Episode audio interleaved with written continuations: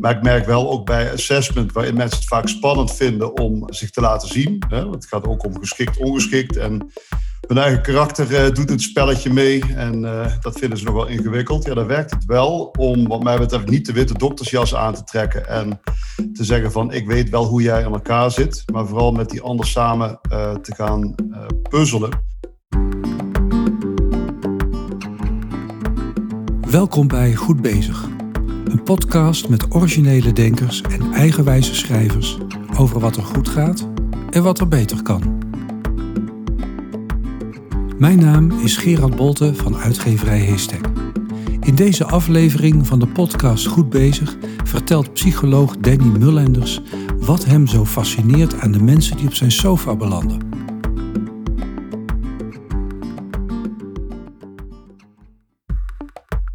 Sommige mensen doen precies waar ze zin in hebben, maar de meeste van ons hebben toch de neiging om vaak te doen wat er van hen verwacht wordt.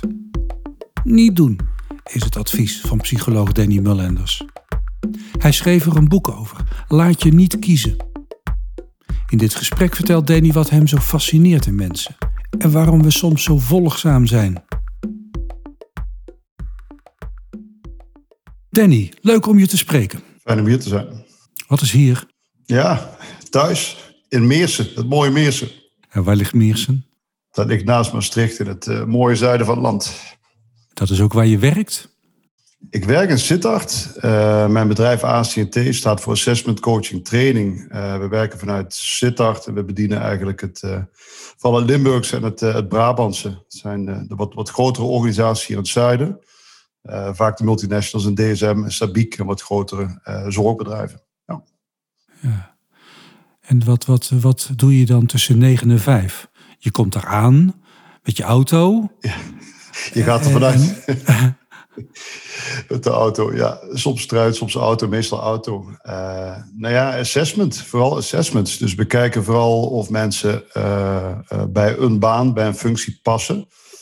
En dan kijken we vooral naar geschiktheid of we kijken ook wel naar ontwikkelbaarheid. Dus je kijkt ook wel naar wat kunnen mensen nog ontwikkelen een stuk assessment en een stuk coaching. En coaching is één op één. Echt mensen helpen met hun uh, leren- en ontwikkelpunten. En, uh, en ook een stuk teamcoaching. Dus vandaag had ik nog een intake uh, het mooie Roermond. Voor een teamcoaching bij een, een zorgorganisatie. Hebben die um, mensen die komen voor een assessment dan niet ongelooflijk mazzel? Want in principe, als je voor een assessment komt, dan gaat iemand je doorzagen, vier delen en beoordelen of jij geschikt bent voor een functie bijvoorbeeld.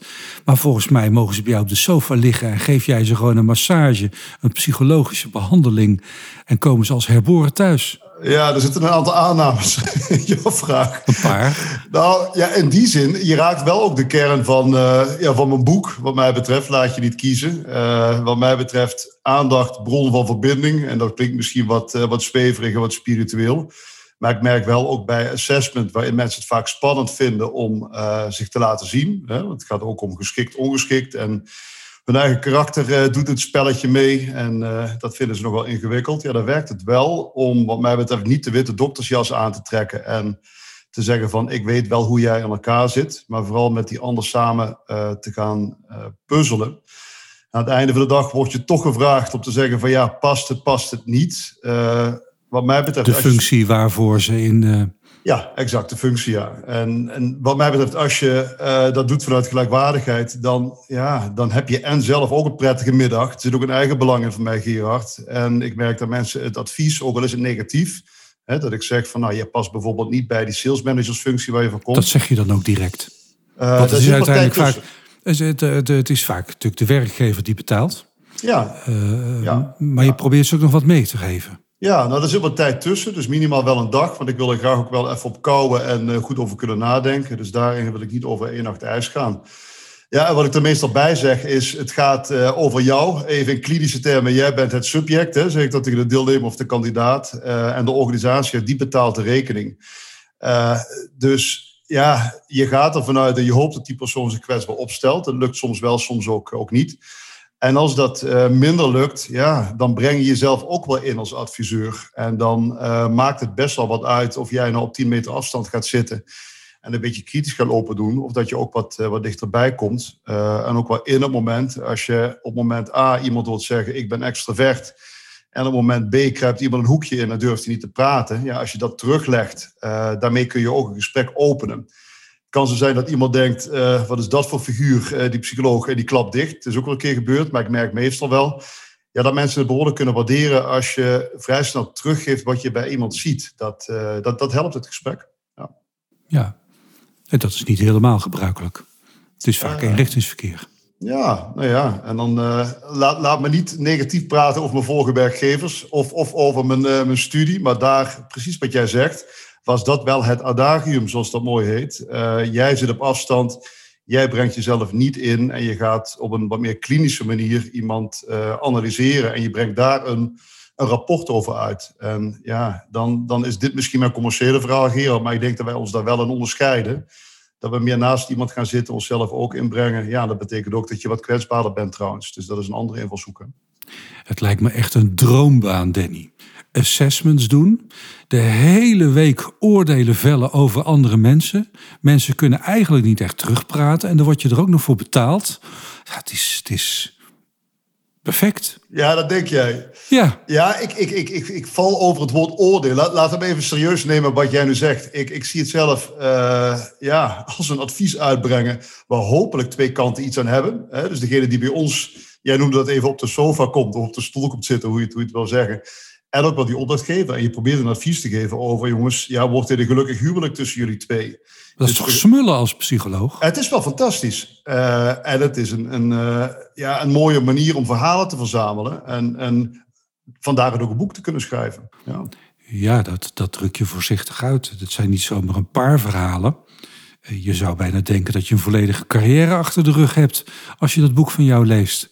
Um, zoveel verhalen uit jouw dagelijkse praktijk. Uh, ik wist niet dat je oud genoeg was om er zoveel te verzamelen. Hoe zie ik eruit? ja, te jong dus. Ja, te jong. Nou, 45. Ik loop, ja, goed. Dan, ik loop toch 25 jaar nu mee in, uh, ja, in het HR-wereldje. Dus ACNT, waar ik voor werk, daar heb ik twee keer gewerkt. Nu en een hele tijd uh, geleden. eerder bij GETP, ook een assessment bureau.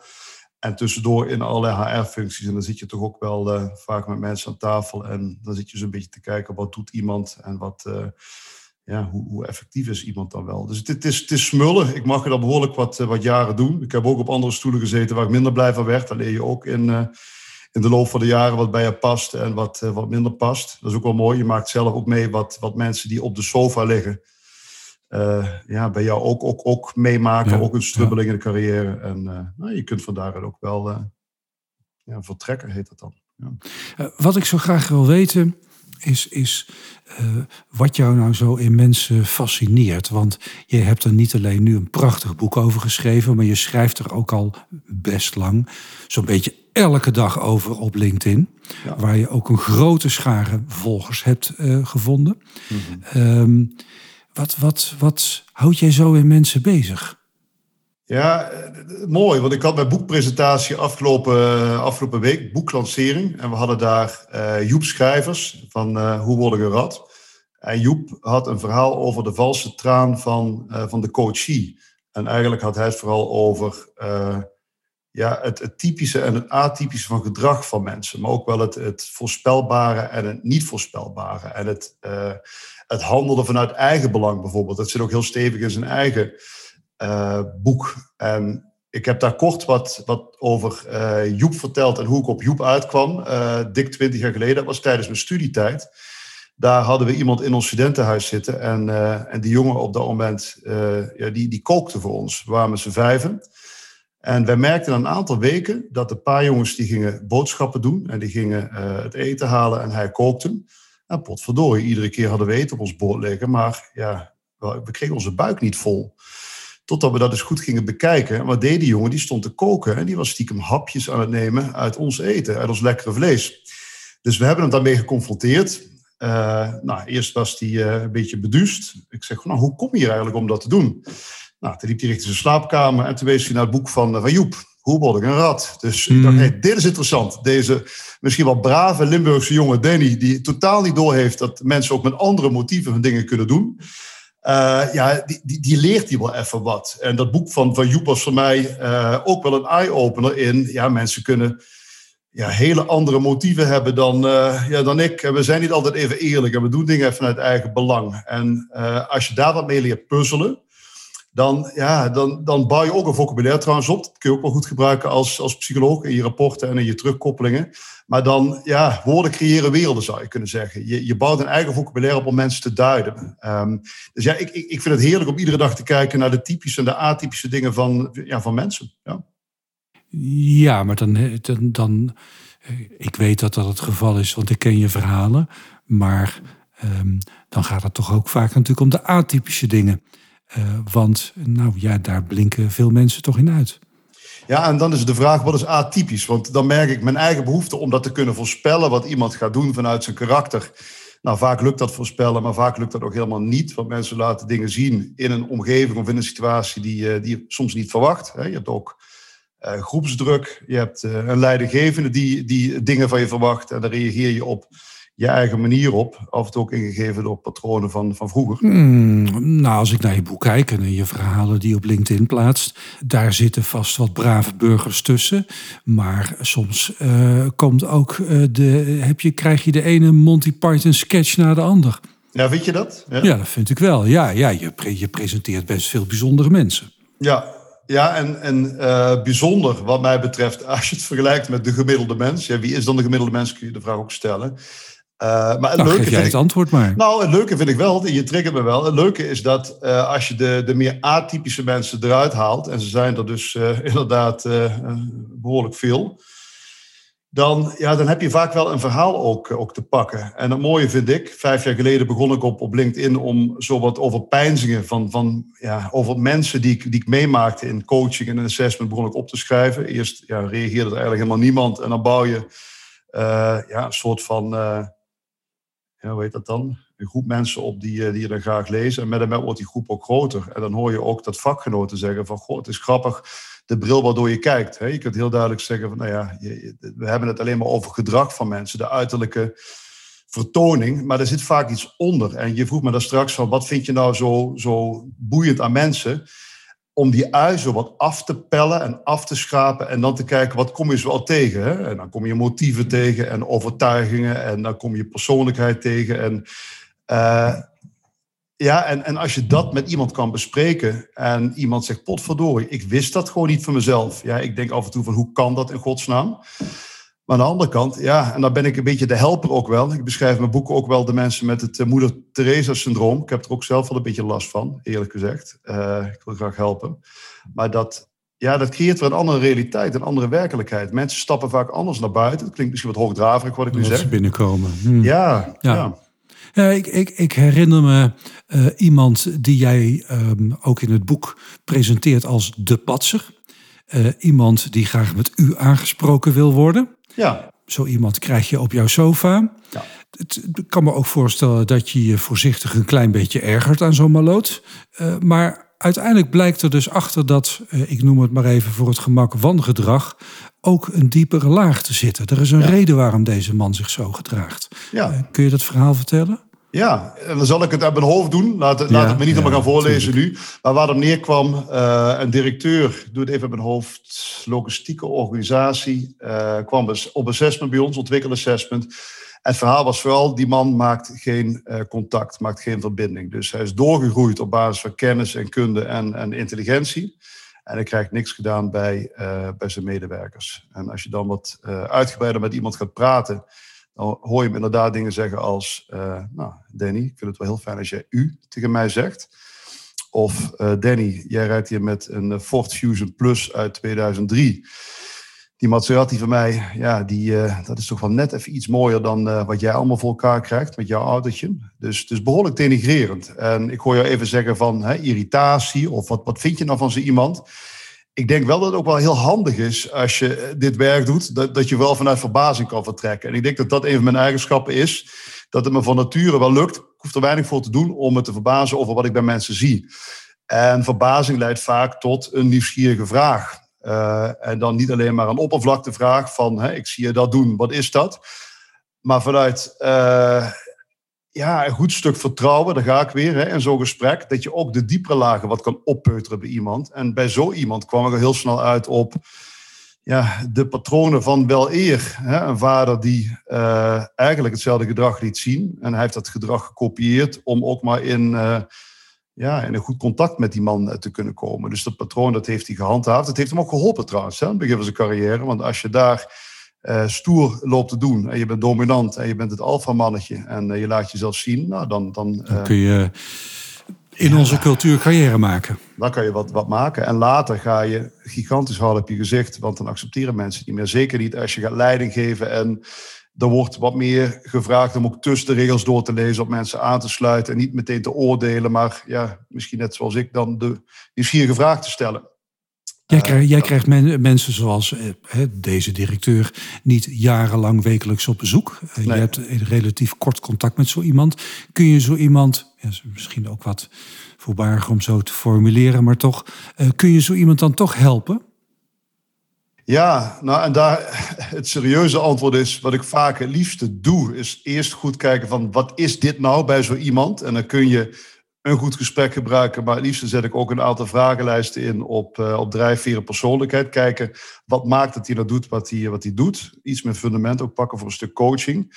Ja, en als je dan merkt dat, uh, dat er bepaalde patronen zijn opgebouwd vanuit het verleden. Waar ook vaak belemmerende gedachten of overtuigingen bij horen die mensen van zichzelf niet eens heel goed kennen. Ja, dan is er ruimte om, om iemand wat te helpen, zou je kunnen zeggen. Maar als het zo diep in iemand zit en dat iemand, zou je kunnen zeggen, van nature uh, die vervelende persoon is, ja, dan, wordt het, uh, dan wordt het behoorlijk ingewikkeld. Heb je nou wel of niet het gevoel dat je deze mensen kunt helpen? Ja, ook daar. Er zit behoorlijk wat verschil tussen mensen. Als je merkt dat, dat mensen van nature niet slecht zijn, of, of onwillend zijn, of, of niet effectief zijn, dan valt er wat, uh, wat te halen. Maar op het moment dat, ja, dat het zo diep zit, heel eerlijk Gerard. dat is moeilijk ja, we hebben ook psychiaters in deze wereld of uh, psychotherapeuten. Die gaan net een stapje verder dan wij. Een aantal technieken zijn trouwens wat hetzelfde hoor. Coaching en de psychotherapie. Maar volgens mij moet je ook heel goed weten wat je kan en wat je niet kan. Dus ik heb ook behoorlijk uh, wat mensen gezegd. Ja, helaas, dit lukt mij niet. En dan heb je het ook over jezelf kwetsbaar opstellen. En uh, niet alleen maar centen willen verdienen met je adviespraktijk. Maar ook de mensen vooral het goede willen voorschotelen. Dus dat ja. gebeurt ook, ja. Ja. Uh, er is op het moment um, uh, veel te doen rond het uh, wangedrag van bazen. Er is veel te doen rond um, de seksuele escapades van veel mensen met enige macht in organisaties. er zijn ongelooflijk veel mensen um, die met stress en burn-out thuis zitten. Moeten je vingers toch jeuken om dat allemaal aan te pakken? Wat is er ja. toch mis? Ja, ja, wat is er toch mis? Dat is een goede vraag. Tegelijkertijd, hoe krijg je die mensen bij jou op de bank? Dat is ook een vraag, want het zijn vaak degenen die anderen naar je toe sturen. Hè? Dus deze mensen blijven vaak ook wel buiten schot. Ja, maar is dat een vertekend beeld wat ik heb? Dat er zoveel mis is met, met mensen, ook in, in uh, een zakelijke context? Uh, of valt het allemaal wel mee? Wat, het, hoe moet ik het zien? Hoe moet ik nou, plaatsen, al dat ja, nieuws? Wat, wat, wat mij bij mijn opdrachtgevers opvalt, is dat, uh, ja, dat het gedrag behoorlijk gekopieerd wordt. Met andere woorden, als er een, uh, we hadden het even over het bonobomannetje, als dat bovenin zit, dan zie je vaak wel typisch hetzelfde gedrag in de lagen daaronder. Uh, ja, dan is de puzzel natuurlijk van, zijn die mensen zo of apen die na en wat gebeurt daar en waarom apen ze na? Uh, maar feit is wel dat je daarmee een bepaald type cultuur impliciet, hè, onbewust organiseert wat uiteindelijk niet, niet helpend is. Um, ja, dus je, goede vraag die je stelt. Uh, ik ben vooral van de patronen zien, het dysfunctionele in het gedrag zien. En je daarin kunnen vastbijten en daar vervolgens ook een draai aan, aan willen geven als adviseur van buiten naar binnen. Jouw vraag is van, ja, deugen mensen niet? Ja, ik zit niet op die tour. Misschien heb je het boek van Rutger Brechtman ook een tijdje teruggelezen. Nou, ja. zegt iets in de trant van uh, nou, hè, niet iedereen is even aardig en, en, leuk, maar in de basis zijn mensen best oké. Okay. En ik zit ook op die tour. En op het moment dat je mensen op die manier benadert, en je benadert iemand vanuit jij deugt, en laten we van daaruit ook het gesprek aangaan, dan stellen mensen zich ook kwetsbaar op. En ik merk dat ook met die, hè, dat type directeur waar jij het nu over hebt, mm -hmm. op het moment dat zo iemand langskomt en je benadert hem vanuit uh, wantrouwen en argwaan, krijg je geen gesprek. Maar op het moment dat je de vraag, de nieuwsgierige vraag stelt van, hey, herken je dat en wat maakt dat je dat doet? ja, dan krijg je de interessante gesprekken en dan krijg je ook wel wat, uh, wat losgepeuterd. Ja. Het, je boek heet Laat je niet kiezen. Ehm, dat, dat impliceert voor mijn gevoel dat er nou, volgens jou veel mensen verkeerde keuzes maken. Wat zie jij gebeuren bij de mensen die uh, bij jou op bezoek komen? Ja, uh, eigenlijk is het meest voorkomende thema wat mij betreft in assessment en in, uh, in coaching. Dat, dat mensen zich laten kiezen. En laten kiezen, dat kun je op heel veel manieren benaderen. Dat kan zijn een leidinggevende die druk zet en de ander die meebeweegt om maar in een goed blaadje te blijven. Het kan zijn een, uh, een verrotte of een verpeste cultuur waarin mensen meegaan. Want als ze hun kop over het maaiveld uitsteken, dan liggen ze eruit. In ieder geval, dat is vaak de gedachte. Maar het hoeft niet altijd in de omgeving te zitten. Het kan ook in jezelf zitten. Het kan ook te maken hebben met belemmerende overtuigingen, belemmerende patronen bij jezelf. Wat maakt dat jij vaak op de automatische piloot gaat en maar meebeweegt. Dus wat ik vaak zie bij mensen is dat er behoorlijk wat potentie, behoorlijk wat mooie dingen in zitten maar dat ze hun eigen patronen niet doorhebben. En dat patroon heeft vaak te maken met uh, slachtoffergedrag. Dus ik beweeg uh, mee en het overkomt mij. En kijk die ander nou eens, die doet het beter dan, uh, dan ik het doe. En, en, wie ben ik om die ander daarop aan te spreken? dus ik zie, en dat vind ik het positieve, mensen met onderliggend heel veel mogelijkheden, potentie. Maar tegelijkertijd maken die mensen zichzelf onbewust vaak het leven behoorlijk zuur. Hmm. Eh, dat, dat is eigenlijk dan de andere kant van de medaille. Uh, je hebt de mensen die misschien wat te dominant zijn. Uh, de mensen die misschien uh, voor een niet zo prettige cultuur op het werk zorgen. en je hebt de mensen die zich daardoor laten meeslepen. Ja, als je het in kampjes wil zien, ja, dan zou je ja, kunnen zeggen... Dat... Ja, heel mooi. Dat, dat, dat typeer je heel goed. Dan heb je, wat mij betreft, het, het extraverte, dominante alfamannetjeskamp. Vaak zie je dat ook wel in de piramide van de organisatie terug. Zitten vaak wat, wat hoger in de organisatie. En de mensen die ik ook vaak voorbij zie komen in coaching, ja, dat zijn de mensen die daar voor hun gevoel tegenop moeten boksen. En dan komt vaak dat thema van assertiviteit op de hoek kijken. dus dan zie je vaak subassertief gedrag. dus daarbij hoort van die ander zit uh, hoger in de piramide en wie ben ik om daar iets van, uh, van te zeggen. En op het moment dat mensen zich hebben opgeladen, dan zie je ze vaak doorschieten naar de andere kant. Dan wordt het agressief. Dus dan hebben ze de, de moed verzameld om uh, tegen hun baas te ageren. En dan schieten ze falikant door. Ja, dan heb je aan de andere kant weer een conflict uh, te pakken. Wat ik probeer, vaak lukt het, soms niet, in coaching is om die, die middenruimte te vinden. Met andere woorden, uh, hoe kun je de ruimte pakken tussen wat jou overkomt en ja, de wijze waarop je daarop reageert. Hè. Stephen Covey noemde dat ook wel de ruimte tussen stimulus en respons. En Victor Frankl had het ook over wat je overkomt en, en hoe je daarop reageert. Dus het is, het, is, het is niks nieuws in die zin, maar het is wel, ja, ik probeer het in het kader van een organisatie te zetten, dat, eh, dat idee. En de ruimte vinden tussen wat jou overkomt en hoe jij erop reageert. Als jij je bewust bent van jezelf en je bent je bewust van de context waar je in zit en je ziet dat je bewegingsruimte hebt, ik heb het psychologische bewegingsruimte genoemd, ja. Ja, dan ontstaat er groei. En, dat zijn, vind ik, heerlijke thema's in coaching. Want je ziet in, in maanden dat je met iemand aan de slag gaat, zie je iemand groeien.